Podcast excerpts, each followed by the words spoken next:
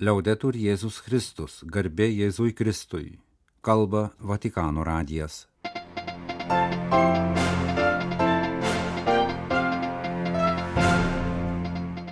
Malonus klausytojai šioje antradienio rugsėjo 12 programoje. Popiečiaus žinia Asydžiaus dvasios susitikimo dalyviams. Pranciškaus užuojauta Libijoje, kur skaičiuojama tūkstančiai smarkių liūčių aukų. Maroko kardinolas Marakeše aukojo mišes už pražutingo žemės drebėjimo aukas. Popiežiaus pasintinio taikos misijos etapas Kinijoje. Etijopija švenčia naujus metus. Artėja Romos vyskupo kelionė į Marselį paroda apie viduržėmio jūros regiono šventovės.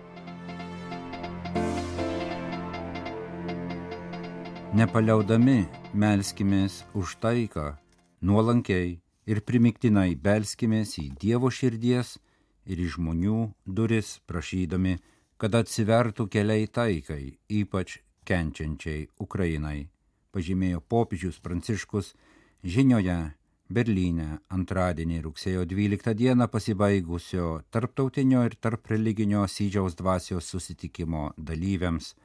Popiežiaus žinia buvo perskaityta antradienį simboliškoje vietoje prie Brandenburgo vartų šaltojo karo metais į Berlyno sieną įkomponuoti užmūryti vartai simbolizavo padalytą Europą, o žlugus blokų prieš priešai tapo naujų perspektyvų simboliu tautų laisvės, šeimų suvienijimo ir naujos pasaulio taikos vilties. Tačiau pasak Pranciškaus, metams bėgant buvo statoma ne su nauja viltimi, o siekiant siaurų interesų, nepasitikint kitais. Šitaip užuot nugriovus mūrus buvo iškelti kiti. Deja, žingsnis nuo užtvarų iki apkasų būna trumpas, patikino popiežius, pažymėdamas, kad šiandien karai niokoja per daug pasaulio vietų, nuo Afrikos ir artimųjų rytų iki Europos, Ukrainos. Romos vyskupas Pranciškus Berlyne pasibaigusio tarptautinio susitikimo temos taikos drąsa žodžiais pažymėjo, jog negalima nusileisti karo sukeltam skausmui ir baisumui, reikia ryštis taikos drąsai. Neužtenka tikrovės, politinių samprotavimų, likščiolinių strateginių aspektų. Reikia daugiau, nes karas tęsiasi. Reikia drąsos pasukti kitų kelių, nepaisant kliūčių ir objektyvių sunkumų. Taikos drąsa yra pranašystė, į kurią turi atsiliepti visi galintys pakeisti kariaujančių kraštų likimus - tarptautinė bendruomenė, visi mes, ypač tikintieji vyrai ir moterys. Popiežius žinioje patikino, kad taikos drąsos pranašystė ypač įpareigoja tikinčiuosius, per kuriuos taikos drąsa virsta malda, kad išmelstų iš dangaus tai, kas atrodo neįmanoma žemėje. Malda tai pirmoji drąsos išraiška, pažymėjo Pranciškus priminęs, kad Kristus Evangelijoje patikino, kaip reikia visuomet melstis, sakydamas, prašykite ir jums bus duota, ieškokite ir rasite, belskite ir jums bus atidaryta. Neturime bijoti tapti taikos išmaldininkais kartu su kitų religijų broliais ir seserimis ir su visais, kurie nepasiduoda konfliktų neišvengiamumui, parašė žinioje popiežius, tuo pačiu užtikrindamas, kad yra dėkingas tarptautinio ir tarp religinio susitikimo dalyviams už visą, ką daro, už jų maldą už karo pabaigą, prie kurios asmeniškai prisideda. Turime peržengti neįmanomų dalykų sieną, tęsė Pranciškus. Anot jo tai sunku, bet nėra neįmanoma. Nėra neįmanoma tikintiesiems patiriantiems viltingos maldos drąsą, bet ir politikams atsakingiesiems diplomatams neturėtų būti neįmanoma. Nepavargdami, toliau melskimės už taiką, nuolankiai ir primiktinai, belskimės į Dievo visuomet atvertos širdies ir į žmonių duris, prašydami, kad atsivertų taikai keliai, ypač kenčiančiai Ukrainai. Kliaukimės viltimi, kad viešpats visuomet išklauso savo kenčiančių vaikų šauksmą. išklausyk mus viešpatie. Meldė žinioje popiežius Pranciškus. Maroko sostinės Rabato arkivyskupas kardinolas Kristobalis Lopesas Romero sekmadienį Marakeše aukojo mišes už visas pražutingo žemės drebėjimo aukas. Kardinolas atvyko į nuniokotą miestą paliudyti visos bažnyčios maldos ir solidarumo su nukentėjusiais. Dievas yra gailestingas ir ne jis yra kaltas dėl žemės drebėjimo. Priešingai, Dievas kenčia kartu su tais, kurie kenčia. Jis yra jų pusėje ir mes turime parodyti jo gailestingą įveidą savo solidarumu, kalbėjo kardinolas ragindamas visus, kas gali, atsiliepti į Maroką ištikusią katastrofą visuotinės brolystės liudijimu. Naktį iš penktadienio į šeštadienį Maroko Al-Haus provincija sukrėtė beveik 7 balų pagal Richterio skalę žemės drebėjimas, galutinis aukų skaičius dar nežinomas, pirmadienį buvo skelbiama apie nemažiau kaip 2400 žuvusiųjų. Nuo stichijos labiausiai nukentėjo Marakešo miestas, įtrauktas į UNESCO pasaulio paveldo sąrašą. Jau sekmadienį visose Maroko katalikų parapijose buvo surinkta rinkliava. Maroko karitas bendradarbiauja su Raudonojo pusmenulio organizacija. Viena pirmųjų kitų šalių katalikiškų pagalbos organizacijų buvo Ispanijos karitas, jau šeštadienį paskelbusi skubios pagalbos kampaniją pavadintą Karitas su Maroku. Jos tikslas - sutelkti Ispanijos donorų solidarumą ir padėti įveikti ekstremalią humanitarinę situaciją, kurią sukėlė žemės drebėjimas. Tuoj pat į pagalbos akciją įsitraukė ir visas nacionalinės karitas organizacijas jungianti Karitas Internacionalis federacija.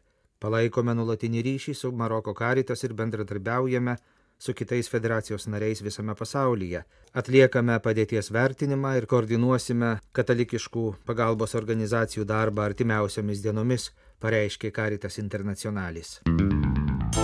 Tuo metu, kai vis dar bandoma apskaičiuoti žemės drebėjimo padarytą žalą Maroke, iš dar vieno Šiaurės Afrikos regiono krašto pasiekė žinios apie didžiulę gamtinę nelaimę. Smarkios liūtis ir uraganinis vėjas pasiekė Libiją, nuniokojo jos pakrantę, ypač Dernos miestą, kuriame žuvusieji skaičiuojami tūkstančiais. Uraganas, kuriam buvo suteiktas Danieliaus vardas, pirmadienį pasiekė Libijos rytuose esantį Dernos uostamestį. Per trumpą laiką iškritęs didelis kritulių kiekis paplovė dvi užtvankas, užliejo prie upės vagos prisišlėjusius namus. Ištisi kvartalai buvo nuplauti ir sugriauti. Rugsėjo 12 dienos duomenimis žuvusiųjų skaičius Dernos mieste buvo vertinamas beveik 3000, o dingusiųjų taip pat galimai žuvusių 6-7 tūkstančiais. Dernos uostamistėje gyveno apie 50 tūkstančių žmonių. Nežinomi daugybės žmonių likimai mažesnėse gyvenvietėse. Antradienį popiežius Pranciškus išreiškė savo užuojautą Libijai, prisidėdamas prie daugybės kitų tarptautinės bendruomenės balsų. Apaštaliniam nuncijoje Maltoje ir Libijoje arkiviskupui Savijoj Hon Taifanui pasiustoje popiežiaus telegramoje rašoma, kad žinios apie tiek daug žmonių žučių ir sugriuvimų Libijos rytuose nuliūdino popiežių, kuris meldžia už žuvusius, už gedinčius ir už tuos, kurie su dideliu nerimu vis dar laukia žinių apie dingusius artimuosius. Anu telegramos Pranciškus meldžia dieviškos pagodos visiems, kuriuos palėtė ši tragedija linki stiprybės ir ištvermės, taip pat dėkoja pagalbos tarnybų darbuotojams, kurie skuba padėti nukentėjusiems. Galima pridurti, kad nedidelė katalikų bendruomenės silovada Libijoje, dažnai sudaryta iš migrantų, rūpinasi Tripolio ir Bengazio apaštaliniai vikariatai, kuriems abiem vadovauja du pranciškonai iš Maltos - vyskupas Georga Bogėja nuo 2017 vadovauja Tripolio vikariatui, o tėvas Sandro Overendas Rigillo savo tarnystę Bengazio vikariate turėjo pradėti kaip tik šiomis dienomis. Jis buvo paskirtas į šias pareigas šių metų Liepos mėnesį, o rugsėjo ketvirtąją dieną Maltoje buvo išventintas vyskupu. Kardinolas Matėjo Dzupi, popiežiaus pasiuntinys Ukrainos taikos klausimais rugsėjo 13-15 dienomis lankysis Pekine, informavo komunikate Šventasis sostas. Po taikos misijos etapų Kyjive, Maskvoje ir Vašingtone paklaustas apie naujos misijos Pekine lūkesčius, Matėjo Dzupį su Samoju pažymėjo, jog visi gerai žino, kad tiek šventojo sosto, tiek Kinijos tempai būna labai lėti. Taika reikalauja visų įsipareigojimo, tačiau taika nėra kažkas, ką kas nors galėtų primesti. Taika turi būti tokia, kokią renkasi ukrainiečiai, tačiau palydima visų užtikrinamomis garantijomis, įsipareigojimų ir pastangomis, pažymėjo popiežiaus pasiuntinys Ukrainos taikos klausimais. Rugsėjo 12 dieną Etijopija švenčia naujus metus. Pagal etiopišką kalendorių baigėsi 2015 ir prasidėjo 2016 metai. Popiežius Pranciškus palinkėjo šiam kraštui susitaikymo ir taikos dovanų. Etiopų kalendorius yra susijęs su antikiniu laiko skaičiavimo metodu, pagal minulio fazes, iš kurio gimė kelios kalendorių versijos, įskaitant Europoje daugelį amžių naudotą Julijaus kalendorių ar etiopams artimesnį Egipto koptų kalendorių. Taip pat su bandymais apskaičiuoti viešpaties metus, Anu Dominį, tikslius Kristaus gimimo metus, nuo kurių prasidėjo nauja era, skaičiuojama nuo pradžios. Jei vakaruose prigijo penktojo ir šeštojo amžių sandroje, mažojoje Skitijoje, Romos imperijos provincijoje, apėmusioje kai kurias dabartinės Rumunijos, Bulgarijos ir Ukrainos teritorijas, gimusio vienuolio bei erudito Dionizijaus nulankiojo skaičiavimai, tai etiopų kalendorius remiasi dviejų Aleksandrijos miesto Egipte vienuolių Panodoruso ir Anianuso skaičiavimais.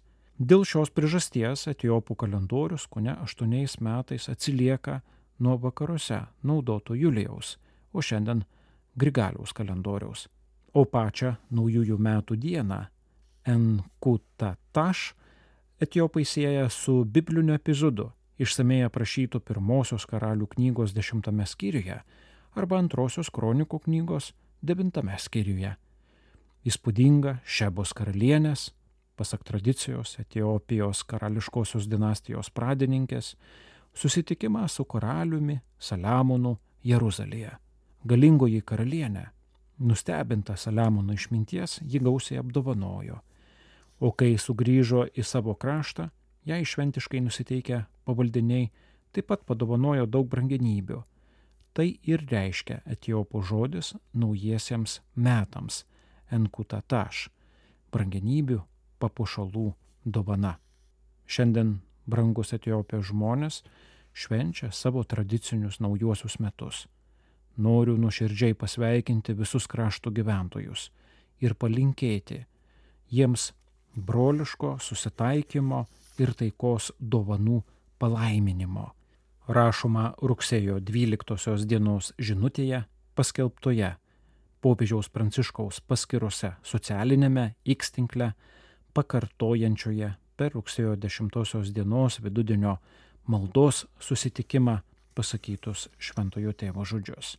Juose užsiminama apie Etiopiją, šį senos civilizacijos ir gilių tradicijų kraštą, sekinančius ilgamečius krūvinus konfliktus, kuriuose dalyvauja vidinės ir išorinės jėgos, sukėlusios daugybę civilių kančių, sudariusios sąlygas kaip nurodoma įvairiuose ataskaituose, žiauriausiems karo nusikaltimams ir nusikaltimams prieš žmoniškumą. Parodoje parodoma Viduržėmio jūros regiono Marijai skirtų šventovių piligrimystės vietų pritraukiančių tikinčiuosius ir žmonės iš įvairių horizontų svarba. Tai unikalios vietos, kuriuose patiriamas svetingumas. Rašoma parodos Ave Marija Viduržėmio piligrimystė pristatėme Marselyje. Ši paroda yra viena iš renginio, kuriame dalyvaus ir popiežius iniciatyvų. Rugsėjo 17-24 dienomis Marselyje, Prancūzijos uostamiestyje, vyksiančiuose Viduržėmio jūros susitikimuose dalyvaus visų Viduržėmio jūros baseino šalių katalikų viskupai, piligrimų grupės, politikai bei visuomenės veikėjai. Rugsėjo 22-23 dienomis į Marselį atvyks popiežius Pranciškus, kuris pirmąją vizito dieną ant aukštos kalvos stovinčioje didingoje sargybos Dievo motinos bazilikoje aukos mišes, vėliau susitiks su mieste gyvenančių kitų religinių bendruomenių vadovais. Antrąją vizito dieną, šeštadienį, rugsėjo 23-ąją, Pranciškus susitiks su benamiais ir skurstančiais žmonėmis, po to dalyvaus viduržėmio jūros susitikimų baigiamojoje sesijoje, pasisveikins su Prancūzijos prezidentu, prieš išvykdamas į Romą aukos mišes miesto stadione. Paroda Ave Marija viduržėmio piligrimystė bus inauguruota rugsėjo 16 dieną minėtoje sargybos Dievo motinos bazilikoje ir veiks iki 2024 m. sausio. Joje pristatomos šventovės svarbios ne vien katalikams. Marijos figūra reikšminga ir musulmonams, ir tiems, kurie ieško dvasingumo oazių. Marijos figūra yra ryšys, siejantis viduržėmio jūros kultūras ir religijas. Parodos lankytojams įvairios priemonės, nuo liturginių objektų iki video instaliacijų, padės geriau šį ryšį suprasti. Simboliškai apkeliauti visas viduržėmio jūros pakrantės, aplankant Šiaurės Afriką, Šventąją Žemę, Turkiją, Italiją. Jie susipažins su Dievo motinos šventovėmis ir jos pagerbimo tradicijomis Turkijos Efeze, Alžyro sostinėje, Maroke, Libane, Egipte ir Italijoje. Parodos organizatoriai priduria, kad ši paroda išplečia 2015 m. iniciatyvą apie šventovės, kuriomis dalyjamasi. Pastaroji paroda buvo eksponuojama Tunise, Graikijoje, Prancūzijoje, Maroke, Junktinėse Amerikos valstijoje, Turkijoje, Italijoje. Ja tuo metu aplankė per 120 tūkstančių lankytojų. Ši paroda išryškina mergeliai Marijai skirtų viduržėmio jūros regionų šventovių karūnos vertę. Šventomės taip pat yra tarp religinio svetingumo vietos, kurias lanko musulmonų, o kai kuriais atvejais ir žydų tikintieji. Marijos figūra peržengia krikščioniškojo pasaulio ribas ir kalba kitų religijų tikintiesiems, pastebi Dionydžiai Albera 2015 m. ir dabartinės parodos organizatorius. Susitikimas su mergelė Marija svarbus islamo kontekste Korane Marija figuruoja kaip šventumo pavyzdys. Dėl šio teologinio akcento musulmonų tikintieji eina melstis į krikščionių šventovės. Simboliškiausias ir seniausias atvejis yra Betlėjaus gimimo bazilika, kurioje musulmonų lankymasis paliudytas nuo X amžiaus. Norint kurti sąsajas ir parodyti žmonėms, kad jie yra artimesni kitų religijų žmonėms, nei patys nutokia, svarbu pasiekti plačią auditoriją. Kad tai perteiktume, parodoje stengiamės pasinaudoti meno kūrinių jėga ir gale. Menas leidžia tai padaryti, nes kalba tiesiai į širdį, svarsto parodos apie Marijos šventovės viduržemio jūros regione kuratorius.